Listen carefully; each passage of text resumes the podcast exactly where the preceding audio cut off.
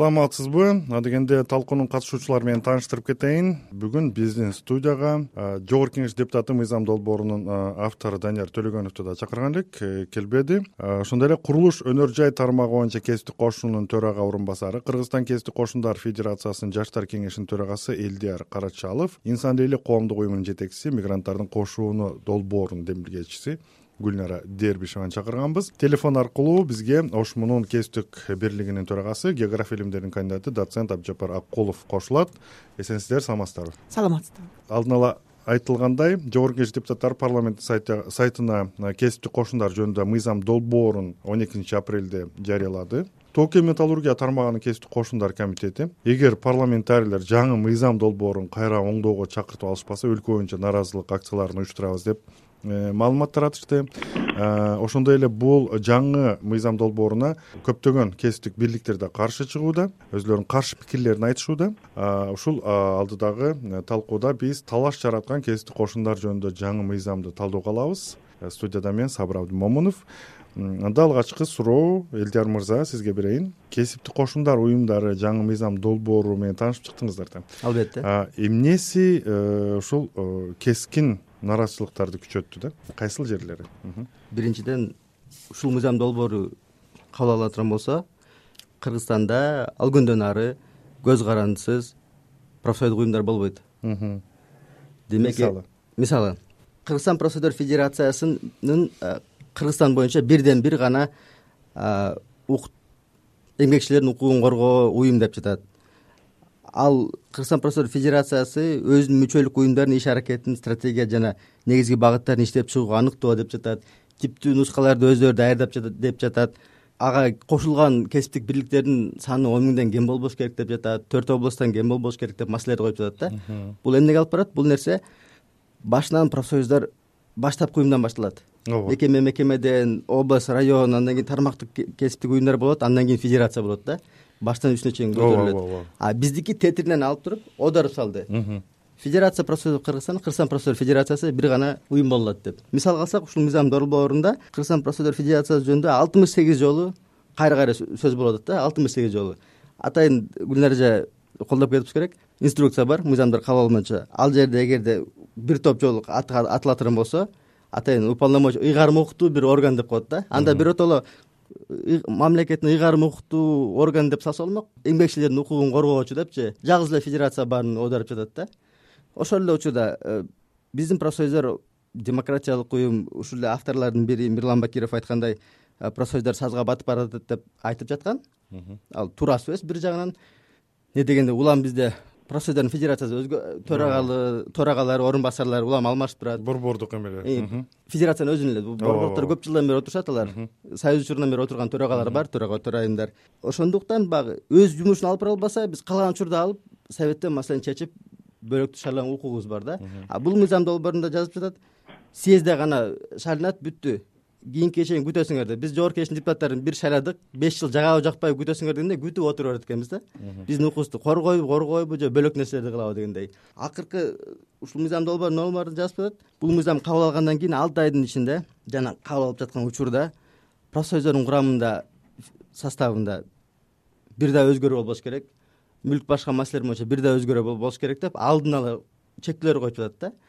Бул кыргызстандын конституциясынын нормасында эмне дегенде баягы биригүүгө эркиндик укуктарыбыз бар. Эл аралык эмгек уюмунун сексен жетинчи токсон сегизинчи атайын конвенциялары бар. Ооба.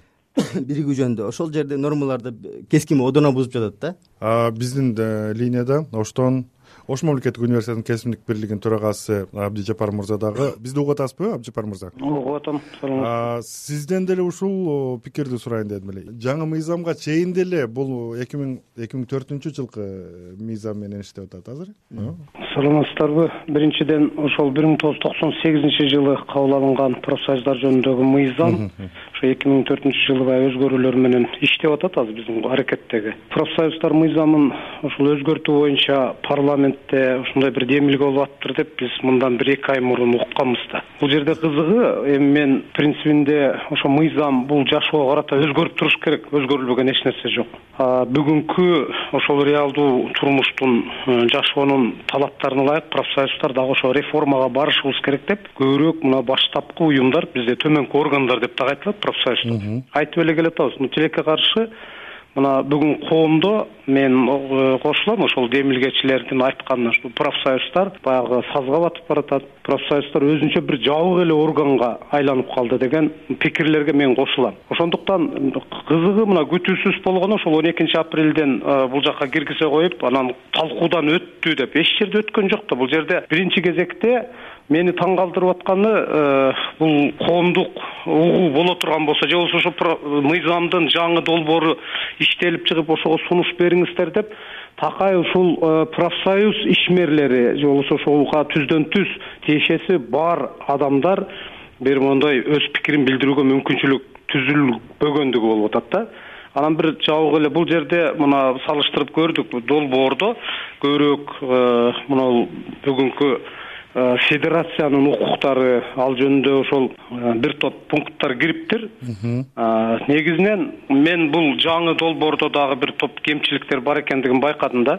Бизде мына ушуга чейин деле профсоюздун бирдиктүүлүгүн же болбосо мына ушул анын вертикалын жакшы камсыздаган бир жоболор жок экен да. Бүгүнкү күндө түрдүү тармактар бар. Эми ар кайсы комитеттерибиз бар ошо борбордук комитеттерибиз.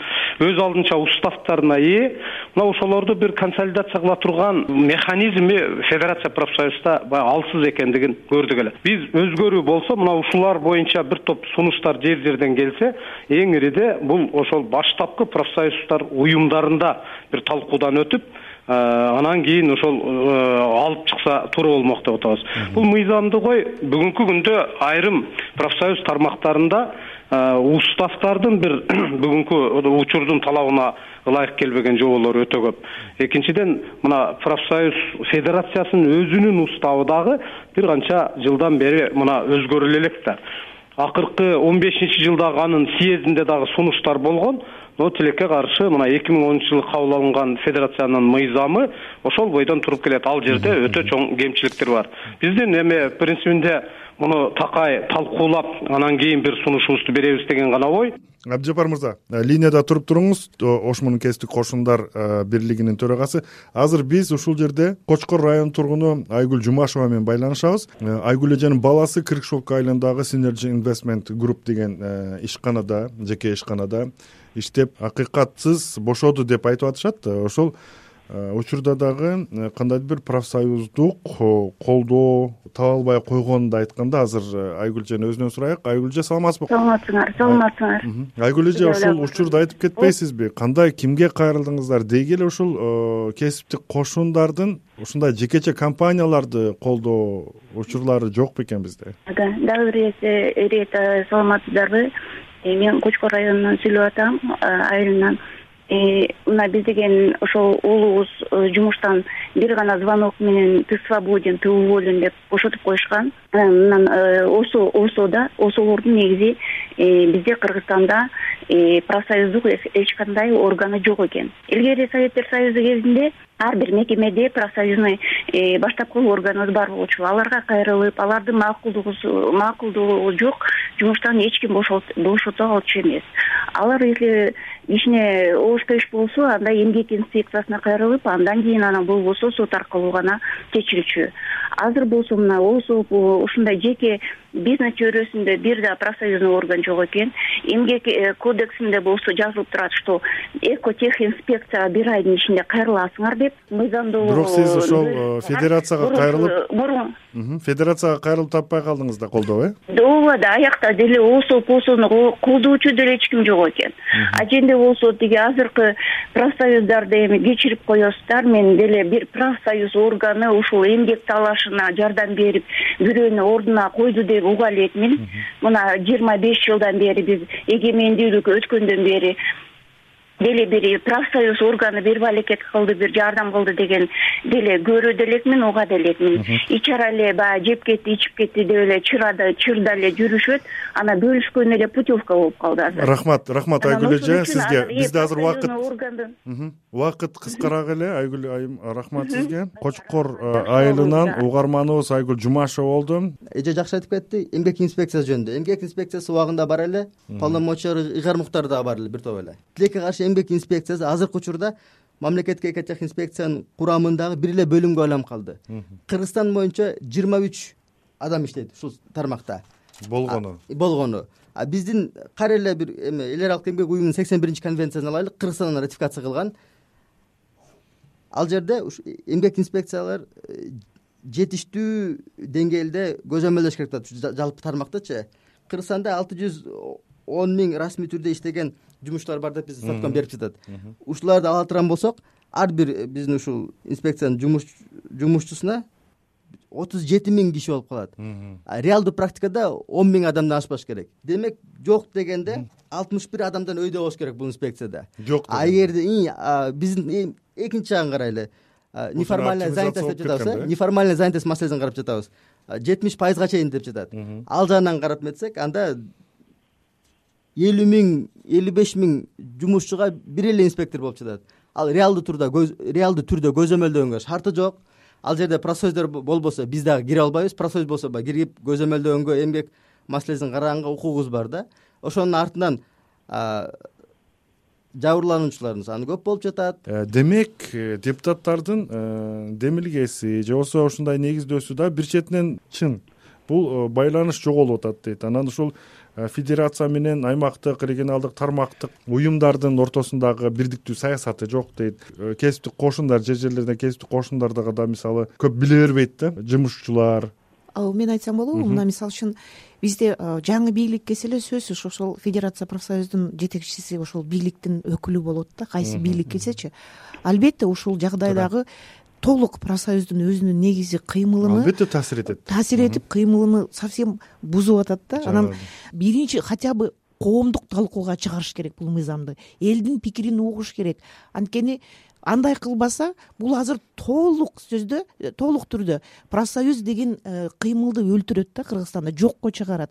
Даже тоталитардык өлкөлөрдө профсоюздар аябай күчтүү. Бирок жана эже айткандай бизде кыргызстанда мындай профсоюздар жок күчтүү көз карандысыз профсоюздар. Мына биз э, жакында бир жылда бир жыл болду мына мигранттардын өзүнүн ошол э, жана кесиптик бирлигини көтөрүп чыкты мигранттар мына бир эки миңге жакын. Биз мисалы үчүн ошол мигранттардын профсоюзу бул мыйзам долбооруна каршы чыгабыз коомдук талкууну уюштурса сөзсүз катышабыз дагы өзүбүздүн пикирин айтабыз ошол боюнча сурайын деген элем анан гүлнара э, дээрбишева э, бул э, мигранттардын кесиптик кошуну деген долбоордун да жетекчиси.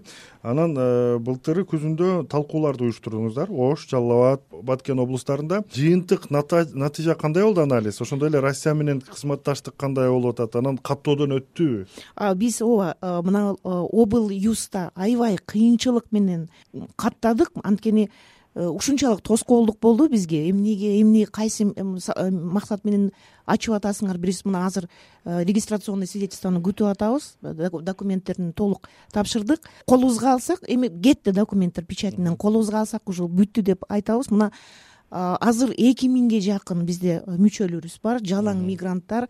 Азыр биз россияда көз карандысыз россиянын жаңы профсоюздары деген профсоюз менен меморандум түзүп Э, биз жана механизм перенаправление менен иштейбиз да. Биздин мигранттар россияга баргандан кийин ушундай э, эмгек укуктары бузулса аяктан моментально ошо э, россиянын профсоюзу толук укугуну коргоп эми көп учуру ошол акчаны ала албай калат да. Жана иш берүүчүлөр алдап кетет. Ошол маселе боюнча ушул россиянын профсоюзу эме жардам берет.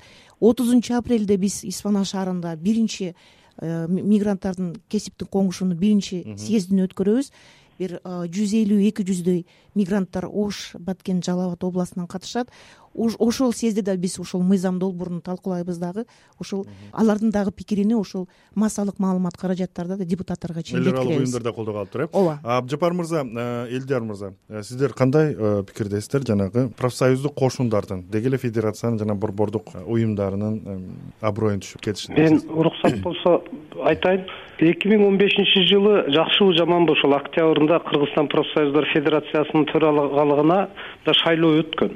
Жанадыл абдрахманов деп мурдагы киши ошол э, эки тур менен э, шайлоодон өткөн. Кандай болгондо дагы мен айтат элем ошол профсоюз мыйзамдарынын э, рамкасында. Бирок тилекке каршы эки миң он жетинчи жылы ошол баягы баардыгыбызга он алтынчы январь ушул дача сууга учак кулаган күн болуп калган экен. Ошол күнү эле э, чындап эле жогоруда айткандай бийликтин басымы менен профсоюздар федерациясынын төрагасы дагы ден соолукка байланыштуу арыз жазып кеткенге мажбурлашкан да. Мына бүгүнкү күндөгү мирбек асанакуновдун мыйзамдуу мыйзамсыз келгендиги жөнүндө бир топ маселелер ачык бойдон турат. Ага карата ошо кылмыш иши козголгон. Э, баягы документтерин бурмалап келип федерациянын төрагалыгына шайланып алды деп бир топ кашкайган чындык коюлса да тилекке каршы мына бүгүн ал киши отурат балким анда бул жаңы мыйзам кандайдыр бир э, чогуу талкуулап чыкса ушул жаңы толкун берер же албетте бул жаңы мыйзам албетте керек бирок бул форматта эмес. Эки миң он бешинчи жылы дагы мыйзам өзгөрүү аракети болуп кабыл алынбай калган экен ооба сабыр мырза эки миң он эки миң он экиде кыргызстан профессор федерациясы өз демилгесин көтөрүп жогорку кеңештин депутаттарына кайрылып ушул мыйзамды чогуу карап чыгайлы чогуу талкуулайлы деген демилге болгон. Замандын талабына ылайык өзгөрүүлөр болуш керек. Азыркы мыйзамда баягы жалаң эле жаман эмес жакшы жерлери деле бар. Локалдык профсоюз жөнүндө маселелерди коюп жатат. Кыргызстандын э, мигранттар боюнча маселесин алсак э, чет өлкөдө болсо дагы кыргызстандын профсоюздордун мүчөсү болгонго укуктуу деп ушул жакшы нерсени киргизип жатат албетте. Ал жакшы нерсе бирок экинчи жагынан кичинекей нерсени берип туруп чоң нерселерди кесип кесип салып жатат да. Эки миң он жетинчи жылы он алтынчы январда абдыжапар агайды толуктап кетейин. Ошол учурда өкмөттүн кийлик күчүсү менен азыркы учурдагы биздин төрага мирбек асанокунов шайланып калды. Азыр э, биринчи май районунун чечими кабыл алган мыйзамсыз шайланган документтери туура эмес экен документтер мыйзамсыз экен деп көрсөтүлгөн. Ал стажы жок экен деп. Шаардык сот эмнегедир январдан бери улам эле чоюп келип атат да. Сот эки жолу ооруп калды. Белгисиз бир себептерденчи андан соң э, жыйырманчы март эки миң он тогузда премьер министрдин буйругу менен кесиптик бирликтердин иши чөйрөсүндөгү мыйзамдарды өнүктүрүү максатында атайын жумушчу топ түзүлгөн. Ал жумушчу топто жыйырма беш адам бар. Профсоюздардан бир эле адам жумуш берүүчү тараптардан эки адам калган жыйырма эки адам өздөрүнөн. Ошого карабастан бул жерде мирлан бакиров жана гүлзат асылбаева деп турат. Экөө жаңы мыйзам долбоорунун авторлору бирок ушул жумушчу топто дагы отурат да. Эмнегедир атайын жумушчу топ түзүлгөн болсо жумушун жаңы жаңы эми баштап жатса буларды алып туруп эле он экинчи апрелде өз алдынча чыгарып салды. Жумушчу топ өзүнүн жумушун алып барып жатат. Бул жумуш топтун түзүлүү боюнча дагы баштап башында биз э, кыргызстан профессорлор федерациясынын жаштар кеңешинин төрагасы катары оюмду пикиримди билдирип кеткем бул дагы мыйзамсыз эмне дегенде трипартизм жок бул жерде. Тең салмактуулук жок. Эки тараптан бирдей отуруп чогуу талкуулаш керек болчу. Кыргызстан ратификация кылган жүз кырк төртүнчү эл аралык эмгек уюмунун конвенциясы бар. Ал жерде так көрсөтүп атат бул маселелерди чогуу отуруп чогуу талкуулагыла турат токсон сегизинчи конвенция свобода объединения боюнча ал жерде так көрсөтүп жатат. Өз уставдарын өз программасын өз жумушун өз алдынча алып барып жүргүзөт деп буга чейин ооба биз кыргызстанда реалдуу түрдө көз каранды профсоюздөр жок эсе алып барсак болот. Бирок кээ бир учурда кээ бир маселелер боюнча эки миң он үчүнчү жылы эмгек кодексин сариевдин өкмөтү өзгөртөбүз деп жатканда азыркы төрт жүз кырк эки кырк алты беренени жүз элүү нормага чейин түшүрөбүз дегенде бир топ укуктарды кыскартабыз дегенде митингдерге чыкканбыз эмгек кодексин алсыз болсок да эптеп сактап калдык. Андан соң ушундай сазга батып турган учурда дагы болбой бизди сазга тыгып бир эле адамдын башкаруусуна алып барып жатышат. Эмне дегенде бул долбоордо дагы бир мисал келтирели. Ушу шайланган төрага азыркы төраганы биз съездден дагы жумуштан ала албайбыз. Беш эле негиз бар. Кызматтан өзү арыз жазып кетип калса бөлөк жарандык алса башка ишке өзү өтүп кетсе бөлөк мамлекетке барып жашаса же болбосо ага карата соттун айыптоо өкүмү мыйзамдуу күчүнө киргенде гана. Демек бизди өзү шайлаган адамды кайра жумуштан алуу максатынан биздин укугубузду жокко салып салып атпайбы бир эле адамга башкартып салат ушул системанын баардыгын. Жети жүз жыйырма алты миң мүчөбүз бар деп аз болсо дагы сыймыктанып жүргөн учурда ошонун баарын бир адамга алып барып башкартып коюп атат да. Бул нерсеге профсоюздар каршы бул маселе боюнча бир эле тармактуу профсоюз эмес кыргызстан профсоюздар федерациясынын сайтында жазылып турат фейсбукта баракчасында көрсөтүлүп турат. Бул маселе боюнча өкмөт биз менен жана жогорку кеңештин депутаттары сүйлөшүүлөргө барбаса кезексиз митингдер башталат биздин ажообуз сооронбай шарипович э, саясий стабилдүүлүк деп маселени коюп жатат. Саясий болсун өнүгүү болсун деп булар өнүгүү эмес деградацияга алып барып жатат. Саясий кырдаалды өрчүндөтүүгө алып барып жатат бул депутаттарчы. Өнүгүү прогрессси менен кыргызстан фракцияларынын эки миң он бешинчи жылдагы платформасын карап көрсөм э, баягы эмгек укуктарына бүт эле жакшы кылабыз деп жатат жакшы платформасы бар экен. Эмнегедир өзүнүн платформасында өздөрү каршы чыгып жатат андачы рахмат. Жогорку кеңештин депутаты мыйзамдын автору данияр төлөгөнов дагы биринчи э, макулдугун берип аткан кийин баш тартты билбейм эмнегедир анан келсе жакшы болмок. Э, мирлан бакиров дагы соавтормун деген э, шылтоо менен келбестигин айтты эфирге. Абдыжапар мырза сиздер өзү ушул депутаттар менен сүйлөштүңүздөрбү деги эле ушул мыйзам чыгаруу органы менен. Бул мыйзамды кантип кайра мына мен жогоруда айткандай бул аябай жабык бир кызыкчылыкты көздөгөн эле мындай мыйзам долбоор деп айтсам болот. Анан ушундай сабатсыз пункттар жөнүндө мен бир эки момент айтып коеюн мурдагы мыйзамда мына биздин жыйырма биринчи так жыйырма экинчи статьябызда ошол гарантия для выборных профсоюзных органов деген жерде моундай бир момент бар да. Э, профсоюз создает правовую и техническую инспекцию труда имеющую одинаковые права с государственной инспекцией труда действующие согласно положениям утвержденным федерацией профсоюзов. Эми бүгүнкү күндө билебиз что бүгүн эмгек инспекциялары деген жок да кыргызстанда. Мына ошону көчүргөн бойдон эле бул жака алып келип атат. Айрым гана пункттарды мен жана жогоруда айткандай ошо федерация профсоюзунун жетекчилигин бир мындай ыйгарым укуктарын күчөтүү максатында гана бир мындай өзгөртүүлөрдү мындай түртүп аткандыгы байкалып атат. И мен мындай учурда эмне үчүн ошол жогорку кеңеште айрым депутаттардын бул жерде кызыкчылыгы бар деп айтам.